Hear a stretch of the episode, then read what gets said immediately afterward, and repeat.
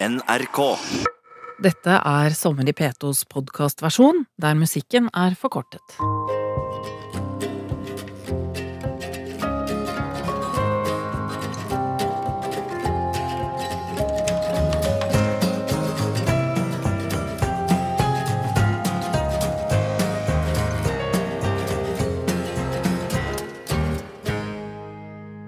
Mitt navn er Bendik Giske, og mitt mål er å leve så ekte jeg kan. Ekte i den betydningen at jeg fyller tiden min med ting som jeg finner meningsfylt, og at jeg er meg selv. Det viser seg å være en spennende utfordring. Hvordan det arter seg, er vanskelig å forutse. Hva er veien, og hva er målet? Jeg lever av å spille saksofon, og gjennom det opplever jeg mitt intuitive selv som den mest intelligente versjonen av meg. Den personen som klarer å gi tilgang til intuisjonen, altså den personen som klarer å favne om store mengder ønsker og omstendigheter samtidig i et slags flerdimensjonalt univers som er nået, og ut fra dette strekke seg inn i fremtiden med intensjon. Å få tilgang til intuisjon blir et mål i seg selv, og i denne intuitive verden finnes det et slags svar på store spørsmål.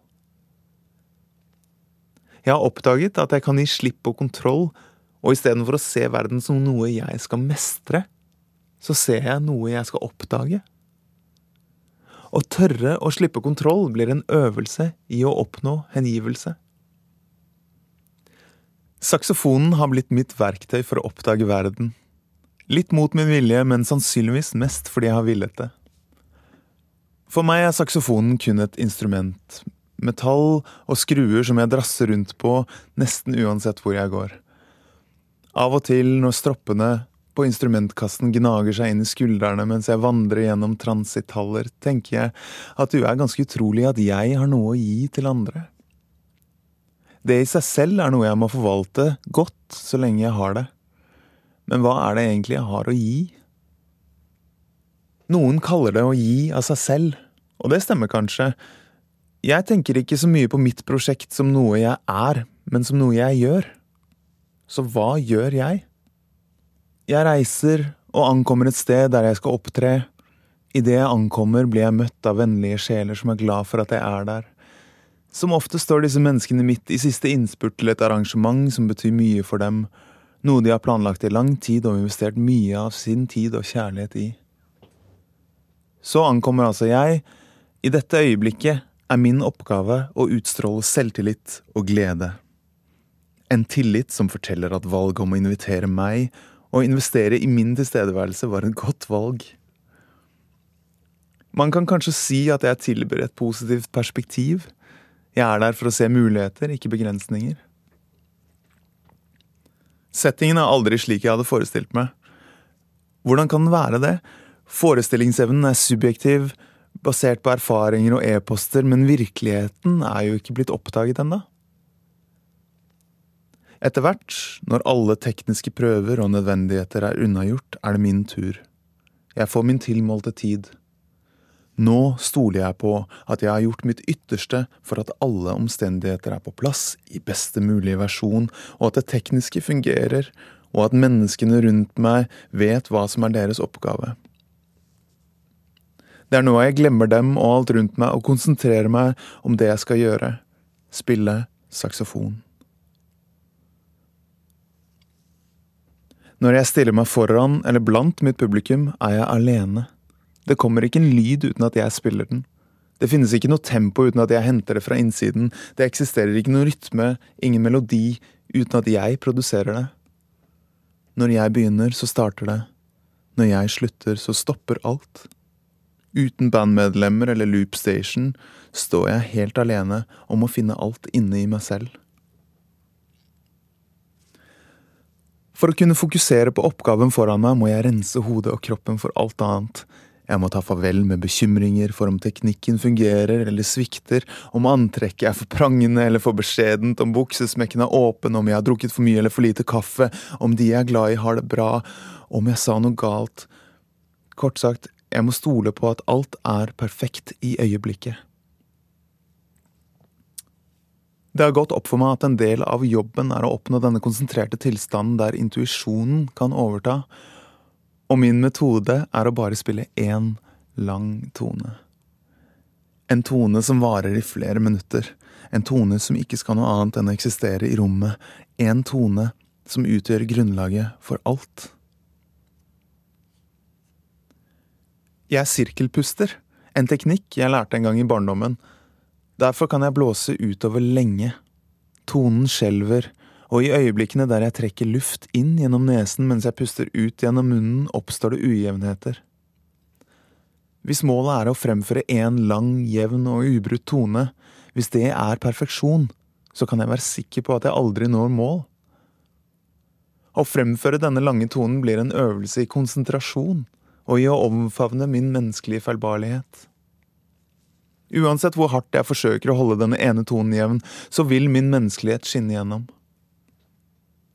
Sakte, men sikkert finner jeg en tilstand av klarhet og tilstedeværelse.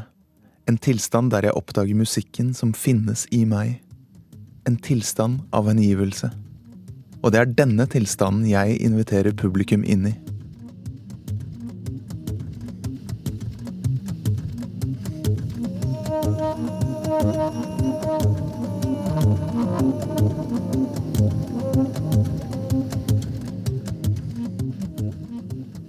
Et av mine første minner fra å gå inn i denne dype konsentrasjonen hengivelsen, som jeg kaller den, er øyeblikket før jeg går på scenen på julebordet til Norsk-indonesisk forening.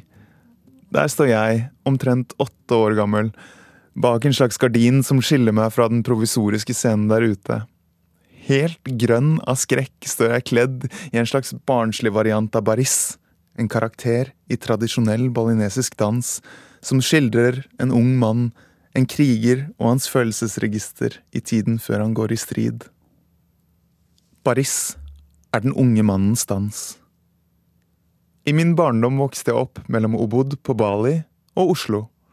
Jeg var frem og tilbake mellom kontinenter, kulturer og språk en god del ganger fra jeg var seks til tolv år gammel. På Bali ble jeg tatt inn i varmen av Ayan, som ble min læremester. Wayan er stolt kulturbærer av balinesisk musikk og dansetradisjon, og om kveldene etter at solen gikk ned, kunne jeg se Wayan bringe til liv maskuline karakterer fra balinesisk dans og det indiske eposet Ramayana. Som nevnte Baris, og også Hanuman, den uselviske redningsmannen, halvt gud, halvt ape. Karakteren Baris, den unge balinesiske krigeren, er fantastisk. Han har en stor rød hibiskusblomst bak hvert øre. Høye skuldre som er ornamentert med rødt, gull og små speil som glitrer i mørket. Rysjer som henger fra skuldrene og som står horisontalt ut fra kroppen idet han gjør en brå piruett. Hans energi er tilbakeholden, men han strutter helt ut i fingertuppene.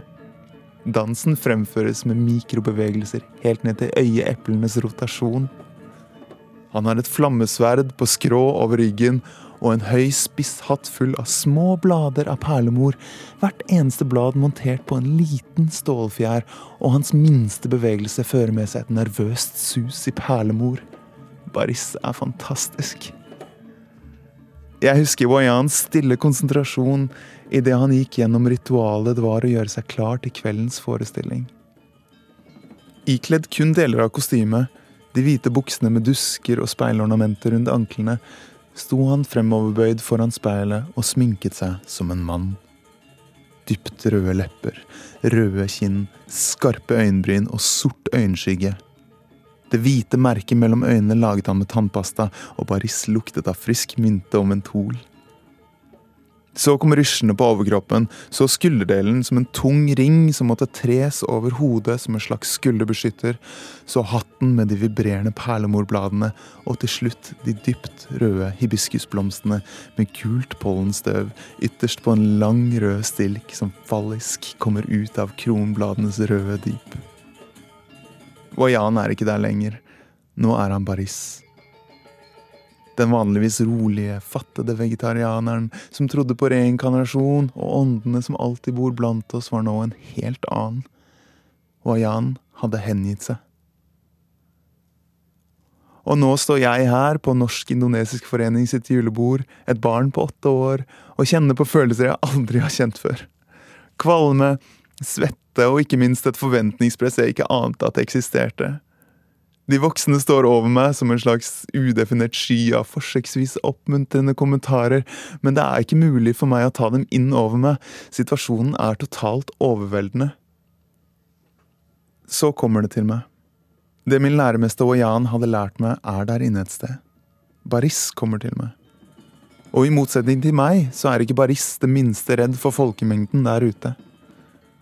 Det er ikke jeg som trer ut på gulvet, det er en ung kriger klar for å forsvare seg og sine mot hver trussel som måtte vente. Hans sårbarhet syns kanskje bedre enn han vet, men for han er dette en konsentrert seremoni som handler om å holde seg forberedt til den konfrontasjonen han vet kommer. Han beveger seg rundt på gulvet til hektisk gamelanmusikk for ikke å miste momentum. Jeg er ikke lenger meg, jeg er Baris og når jeg endelig klarer å hengi meg, er det som om jeg kan alt allerede. Denne erfaringen har aldri gitt slipp. Det er som om jeg vet at der inne et sted finnes det en enorm kunnskap. En kunnskap som jeg kan få tilgang til ved å stole på at den er der. Jeg må rett og slett bare være, fullt og helt, og gi slipp på tvilen.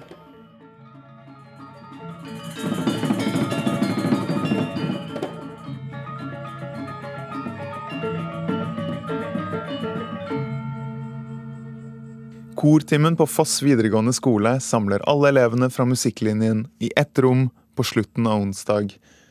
Alle som er noen, er der. Hele ditt voksne liv utenfor hjemmet er samlet i ett rom under ledelse av en kordirigent med merkelig sveis og teatralske fakter. Han skal lede oss gjennom syvstemmige passasjer med tekst som Stenk oss ut som en kalk fylt med fred.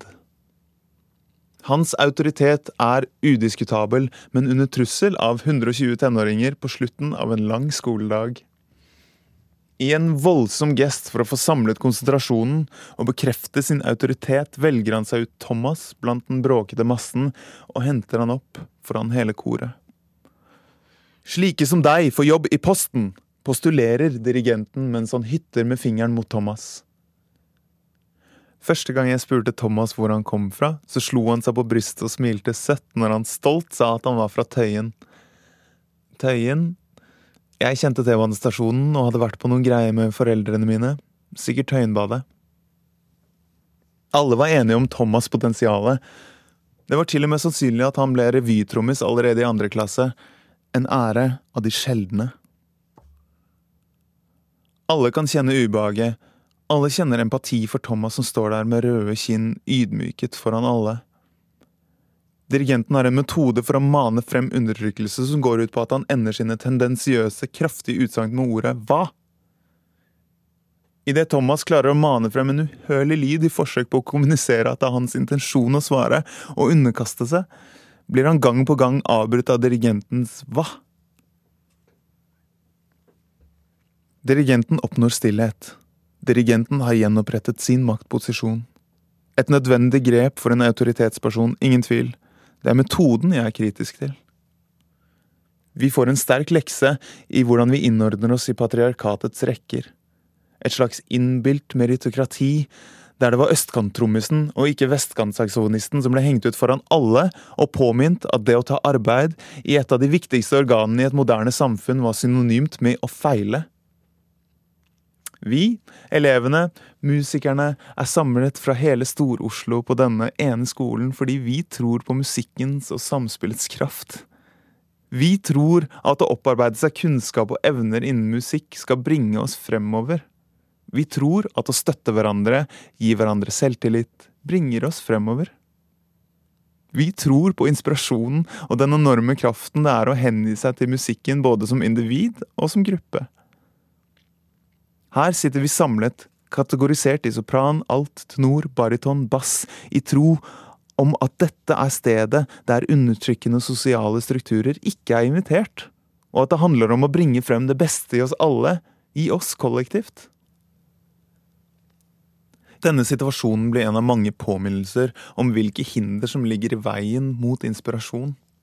På veien mot hengivelse, det finnes institusjoner og strukturer som baserer seg på individets og klassenes underkastelse. Å motstå disse kreftene er potensielt en skadelig øvelse. Det å tro på seg selv er en øvelse i å stole på andres tro på deg, og avsløre de maktgrep som blir utført mot deg. Identitet oppstår i møte med andre og blir ved en lenge. Veien til hengivelse kan være full av motstand, men der et sted er det mulig å få kontakt med hele seg, med hele oss. Det er et sted der maktovergrep ikke er invitert. Det er kontakten med inspirasjonen. Det er hengivelsens makt.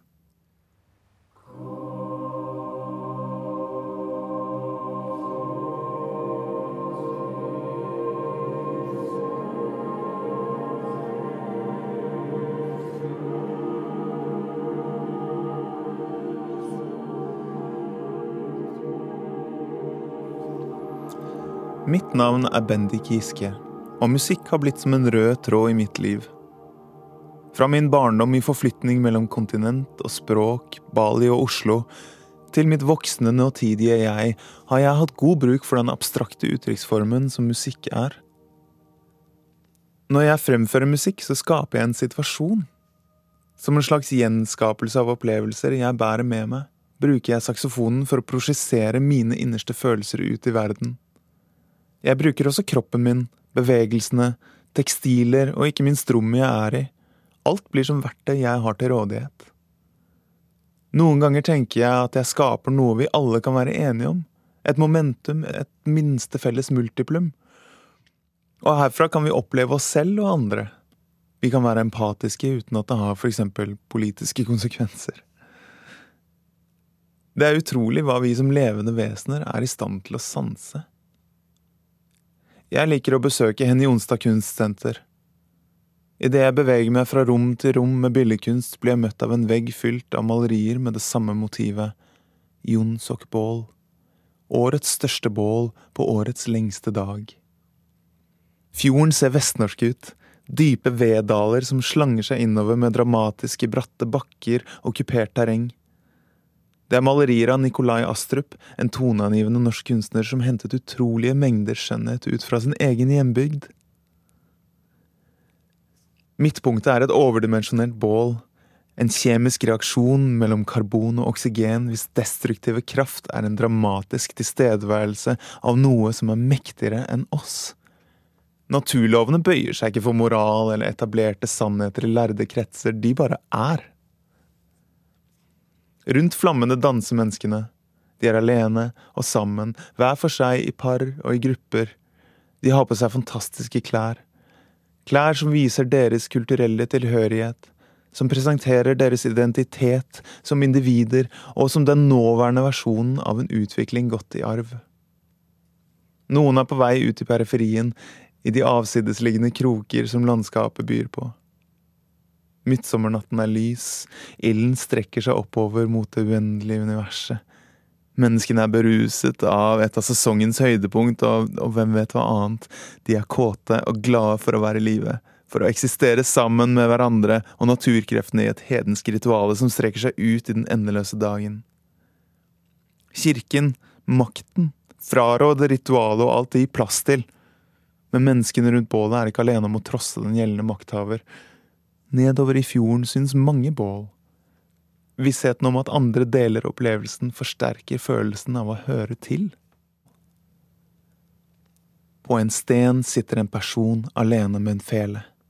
En hardingfele med det som heter empatiske strenger.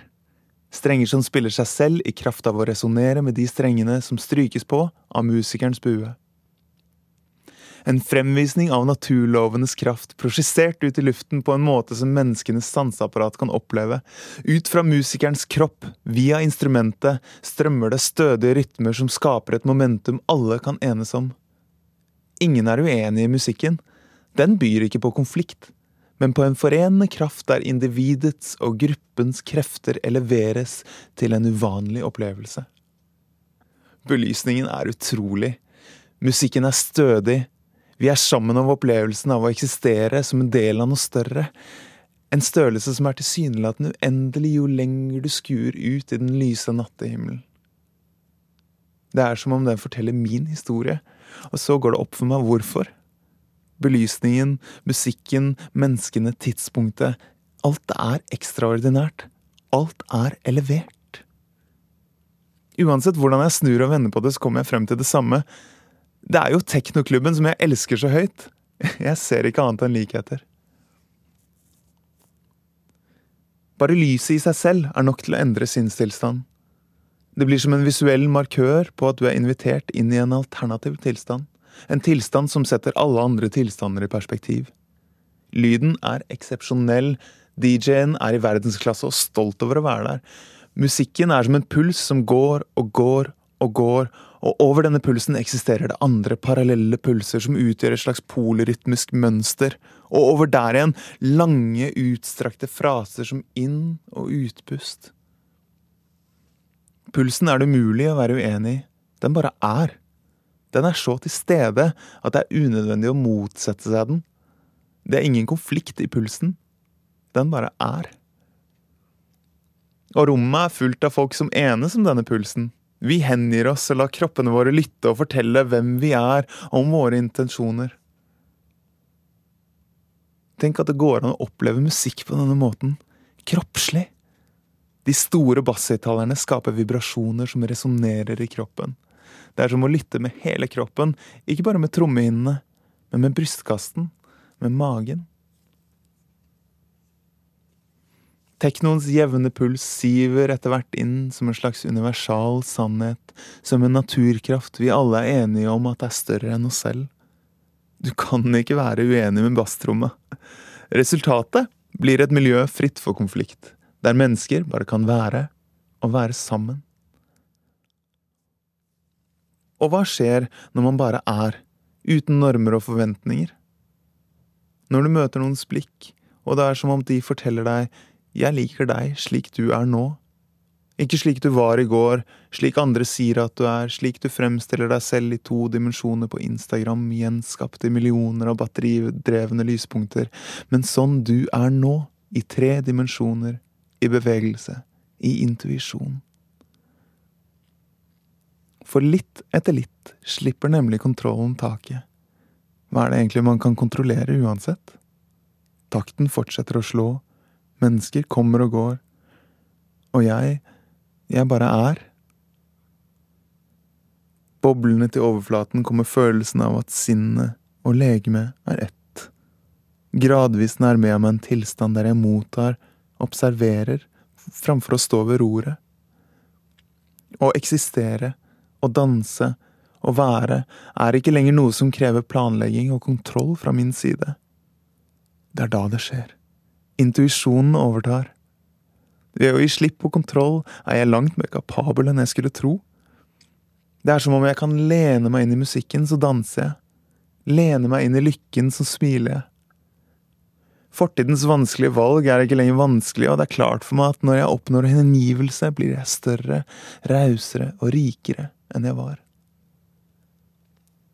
Og her står altså jeg på Henny Jonstad Kunstsenter og ser på et maleri jeg ser på musikeren som setter stemningen. Hvem er musikeren? Kan det være meg? Jeg kjenner trangen. Det er som om jeg kjenner på røttene mine. Jeg vil være denne musikeren. Kulturarv i nået. Mitt bidrag til den offentlige debatt blir å få oss til å kjenne etter, elske oss selv og ikke stritte imot. Der kan individets sanne mening dannes i et intuitivt rom. Der kan tilhørighet, og samhørighet oppstå. Mens vinden gjør elleville kast mellom rumpeballene mine og jeg kjenner gåsehuden strutte, så går det opp for meg hva som er i ferd med å skje. For bare noen øyeblikk siden sto jeg klar på scenen i Tøyenparken i Oslo, seks kabler teipet fast i kroppen for å koble mikrofoner til meg og instrumentet. Alle var klare. Kostymedesigner, koreograf, medspiller, gjesteartist. Jeg skulle gjøre én ting det vi hadde forberedt oss på så lenge alle sammen, holde konsert på Øyafestivalen. Jeg visste nøyaktig hva jeg skulle fylle min tilmålte tid med, og jeg hadde ikke ett sekund å miste. Men nå står jeg utenfor teltet. Evakuert. Vindkastene som feier inn over Østlandet denne ettermiddagen, blåser trærne over ende. Folk er skadet. I påvente av at noen skal vurdere om strukturen som holder scenen og teltet oppe er sterk nok i vindkastene, står jeg der, med kostyme og gåsehud. Det er ingen grunn til å motsette seg været. Det er all grunn til å gjøre det som må til for å føle seg trygg. Jeg kan jo ikke være sint på været. Mens jeg står der, så strømmer folk til. De har kommet for å ta del i det øyeblikket jeg skal skape, og jeg kjenner at mitt hjerte fylles med kjærlighet. Det går opp for meg at jeg aldri før har sett folk ankomme min egen konsert, men den tilhørende forventningen som jeg selv føler når jeg ankommer andres konserter. Allerede nå begynner jeg å lure på om det som utspiller seg, egentlig er en gave. Øyafestivalen var den scenen jeg hadde ønsket meg. Jeg tok med alle oppbyggelige krefter jeg hadde rundt meg, Sammen med de mest beundringsverdige menneskene fra min tid i Oslo og Berlin skulle vi si noe mens vi hadde sjansen. Kostymedesigneren hadde sittet oppe sent kvelden før i mammas sofa og brodert sorte perler i skrittet på den elastiske bodyen i gjennomsiktig finmasket nettingstoff. Mammaen min utbryter Næ, perler på pungen, nå får du gi deg, hvorfor det? Jeg forstår at jeg har fått en anledning til å forklare meg, jeg trekker pusten dypt og ytrer. Fordi Hvorfor ikke? Idet jeg hører meg selv si det, forstår jeg at jeg må jobbe litt med den formuleringen. Når jeg skaper noe, så føles det mer som en oppdagelse. I et uendelig mylder av muligheter er det min oppgave å forsiktig og kjærlig rydde bort alt som ikke er verket, og til slutt stå igjen med noe så uangripelig som et stykke musikk. Jeg sier uangripelig fordi det er lyd, frekvenser i luften som fanges opp av trommehinnene våre, men for meg er det alt annet enn uangripelig. Hver eneste tone er et grep utført med mine egne hender. Hver tone er omhyggelig bearbeidet med hele kroppen, pusten, munnen, tankene, følelsene, intuisjonen, som et slags budskap Sånn er verden fra mitt perspektiv. Med andre ord så skaper jeg ikke noe som ikke var der før. Jeg oppdager det, bare. Jeg bearbeider det. Dissonansene og de polyrytmiske lagene som oppstår når jeg plukker opp saksofonen og begynner å bevege meg. Jeg har vært opptatt av dragkultur en god stund, der damer kler seg ut som menn og menn kler seg ut som kvinner. I dragkulturen gjorde jeg en spennende oppdagelse. Å endre sitt kjønnsuttrykk kan gjøre deg ugjenkjennelig. For et utgangspunkt for oppdagelse! Det må jo bety at kjønnsidentitet er så tett knyttet opp til vår identitet at det blir utenkelig for dine venner at du plutselig skal ha byttet kjønn. Med noe så enkelt som klær og sko kan man starte med et helt blankt lerret og bygge opp en personlighet, en intensjon, en identitet. Koblet fra sitt tidligere ego kan man gjøre oppdagelser både utover og innover. Ok, så er dette kanskje ikke normalt. Vi har jo en slags forståelse av hva som er normen. På denne måten kan vi enkelt og effektivt omgås hverandre uten å være totalt tapt i nye oppdagelser til enhver tid. Normalt er ganske praktisk, men normalt kan av og til oppleves som trangt. Fra andre perspektiver ser alt dessuten helt annerledes ut, og det er her oppdagelsene ligger, klar til innhøsting for den som måtte finne på å ta steget ut av normalen. Å gå utenfor normalen blir en øvelse å gi slipp på det jeget man bærer med seg overalt, og hengi seg til det ukjente. Der kan man imøtekomme seg selv og andre uten fordømmelse, men med oppriktig nysgjerrighet og undring. Derfor blir mitt hvorfor ikke et ordknapt, men gyldig argument. Men tilbake til Øyafestivalen. For at perlearbeidet i skrittet skulle få sitt øyeblikk i scenelyset, har kostymedesigneren sydd robuste chaps, cowboybukser som er åpne i skrittet. De består av to individuelle bukseben som festes med et belte i livet. Mens jeg står der i vinden, under åpen himmel, midt blant alle, går det opp for meg dette kostymet er kun ment å ses forfra. Det er nemlig sånn at jeg nærmest står med rumpa bar. Noen kan fortelle meg at det har gått ut en push-notifikasjon til alle som har Øya-appen om at Bendik Giskes konsert muligens blir utsatt pga. været. For en fantastisk PR. Men for hva? Alle er kledd for været utenom meg. Det som skulle være beundrende blikk over mitt mot og mine akkumulerte ferdigheter, fremstår nå som bekymrede, medfølende blikk. Noen venner av meg kommer bort til meg og spør hvordan jeg har det.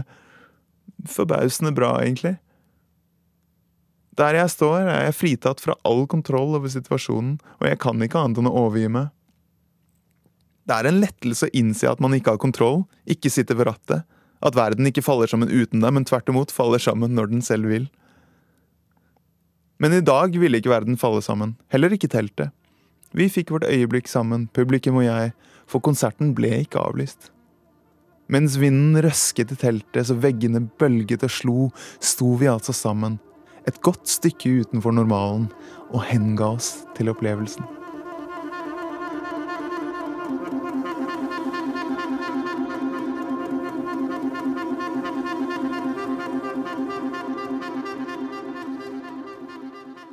Gjennom omstendigheter, via tilfeldigheter til mer eller mindre bevisste valg har jeg skapt meg en arbeidsplass som saksofonist og komponist, der jeg forteller historier fra et personlig perspektiv uten å bruke ord.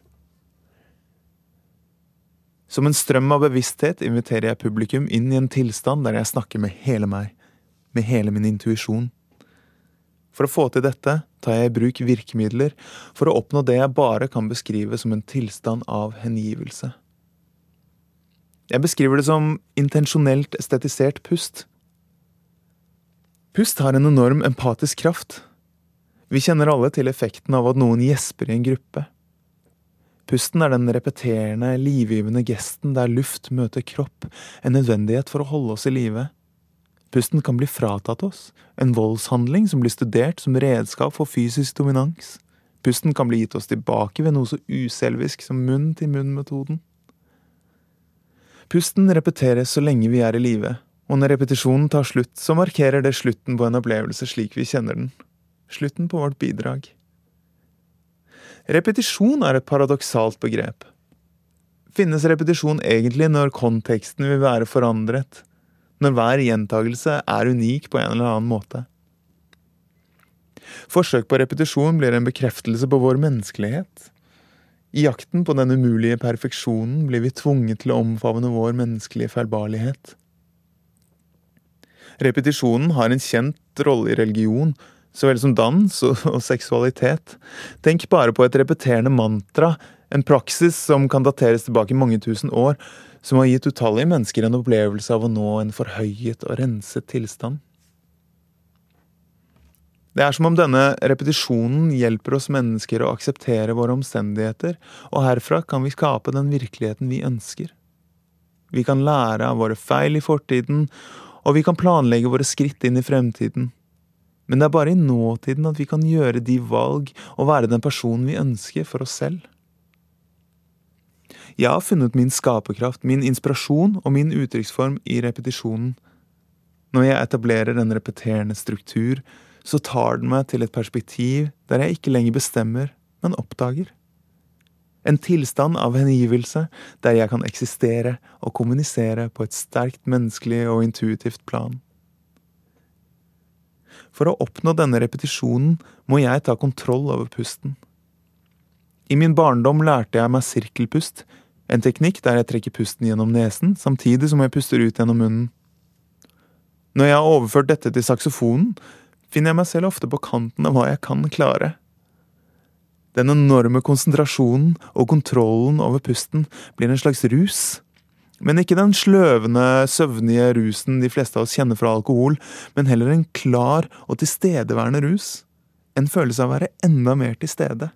En følelse av å kjenne på ytterpunktene av hva kroppen kan prestere. Nærmest en følelse av å være utenfor kroppen, men samtidig helt i den. Denne tilstanden viser meg stadig nye ting. Jeg dytter stadig på grensene av hva kroppen min kan få til.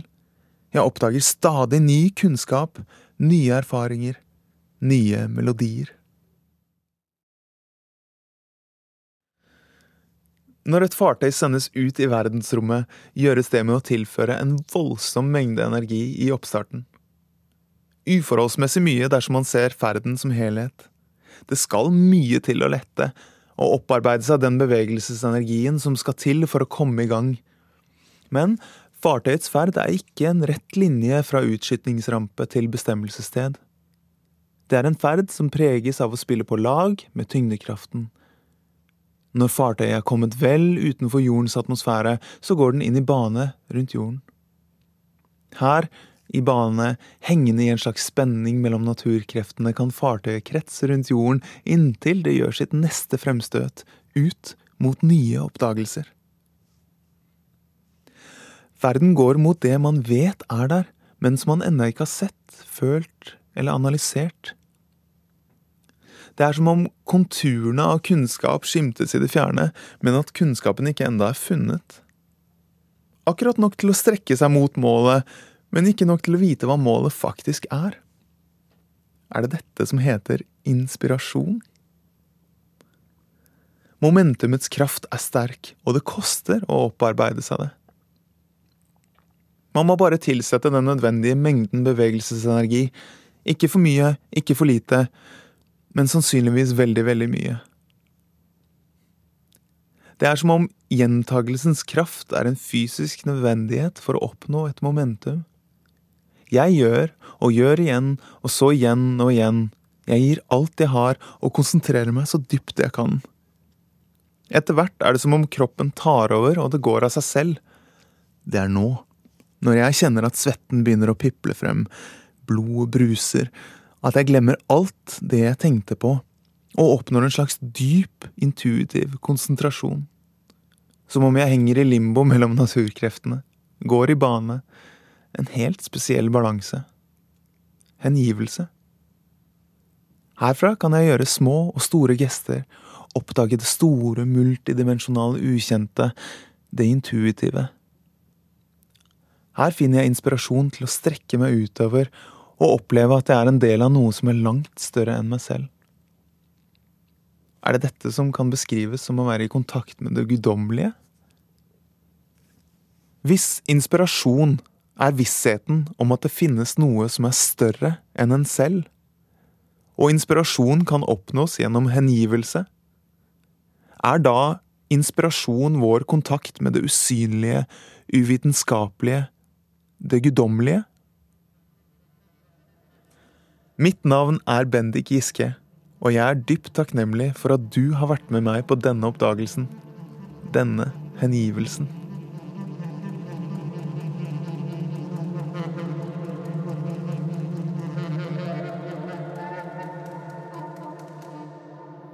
Du har hørt podkastversjonen av Sommer i P2 med Bendik Giske. Teknisk ansvarlig var Hilde Tosterud.